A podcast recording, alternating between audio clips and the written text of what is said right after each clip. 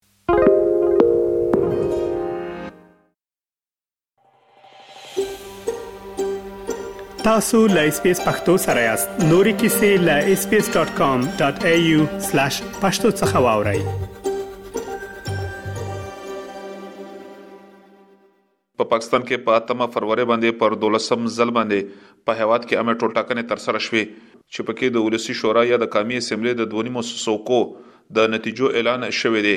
د انتخاباتو د خپلواکه کمېسیون نه ترلاسه شوي معلومات دغه ښايي، چې پاکستان تحریک انصاف ګوند یو کم سل څوکې، مسلم لیګ نون یو اویا، پیپلز ګوند درې پنځوس او دغه شانتې اووه ویشت څوکې ازادو کاندیدانو ترلاسه کړې دي. په یو څوکۍ باندې د ټاکنو پروسه ځنډول شوې ده او دغه شانتې پنځلس هغه څوکۍ دي چې د ځینو ستونزو له امله پر دوی باندې ټاکنې ترسره نه شوې، خو د انتخاباتو د خپلواکه کمېسیون د لورې ویل شوي دي چې زر به په دغو یادو څوکو باندې هم ټاکنې ترسره شي. په مرکز کې د حکومت د جوړولو لپاره د یو ګوند سره هم د څوکیو شمېرې نه دي پوره، خو بل لوري ته پیپلز او د مسلم لیګ نون ګوند د مشرانو په مرکز کې د حکومت د جوړولو لپاره د سلا مشورو عمل پیل شوې دی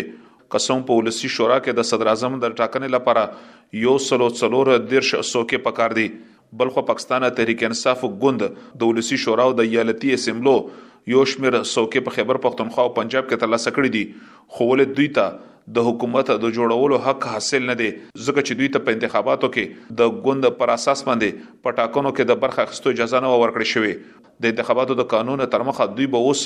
په یو بل ګوند کې شاملېږي او دغه شانته یو حکومت رامنځته کولی شي د خیبر پښتونخوا د ایالتي اسمبلې د یو سلو پنځلسو عمومي څوکو د نتیجو اعلان شوی دی چې تر مخه تر ټولو ډېرې څوکې یعنی یو نوي تحریک انصاف ګوند مسلم لیګ نون 15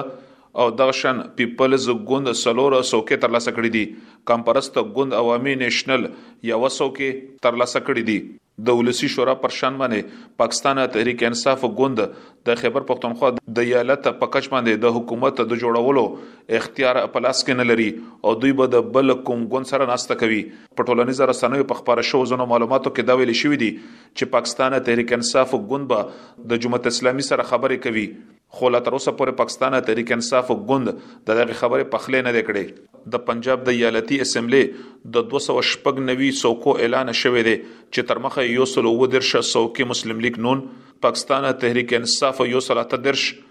پیپلز ګوند لس او مسلم لیګ کاف اته څوکې تر لاسه کړې دي خو دلته کې هم تحریک انصاف ګوند د حکومت د جوړولو نه بې برخې دی. د سند ایالت د یو سلو دیرشو څوکو اعلان شوی دی چې پکې څلور اتیا څوکې پیپلز ګوند دغه شان د متحده قومي غورځنګ اتوي څوکې او دغه شانت نور څورلس غړي په آزاد توګه باندې په ټاکنو کې بریالي شوي دي دلته کې پیپلز ګوند ته په واضح توګه باندې اکثریت ترلاسه دي او دوی کولی شي چې د خپل خوخي حکومت دلته کې رامنځته کړي په بلوچستان ایالت کې د 13 څلويختو څوکو اعلان شوی دی چې تر مخه یې پیپلز ګوند یوولس سوه کې، مسلم لیګ نون نهه سوه کې، جمعیت علماء اسلام فې ډلې نهه سوه کې او دغه شانتې شپږ ازاد غړي په ټاکنو کې بریالي شوي دي. دلته کې دغه ګومان کېږي چې پیپلز او جمعیت علماء اسلام فې ډله به په ګډه باندې په بلوچستان کې یو حکومت را جوړ کړي. بل لوري ته د هېواد په بېلابېلو برخو کې په انتخاباتو کې د درغلیو او نتیجو په وخت د نه اعلان پر ضد باندې د احتجاجي مظاهرو لړۍ پیل شوې ده په ځینو سیمو کې د مظاهره چانو د امنیتي ځواکونو ترمنځ د خوډب پیښې هم رامخې ته شوې دي په قطبي وزیرستان کې د نېشنل ډیموکراټک موومېنټ ګوند او د ولسی شورا کاندید محسن داوړ او د هغه په پلویانو باندې ډزې شوې دي په دغه پیښه کې په خپل محسن داوړ جوبل شوې دي خو ول درې نور پلویان یې د مرګ خولې ته تللي دي دغه شان په شانګله کې هم د تحریک انصاف ګوند څلور پلویان وژل شوي دي خو دغه د احتجاجونو لړۍ په ځینو سیمو کې اوس هم دوامداره ده.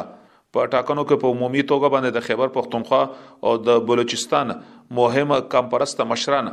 د ایالتي او د ولسي شورا د غړیتوب نه بې برخې پاتې شوي دي.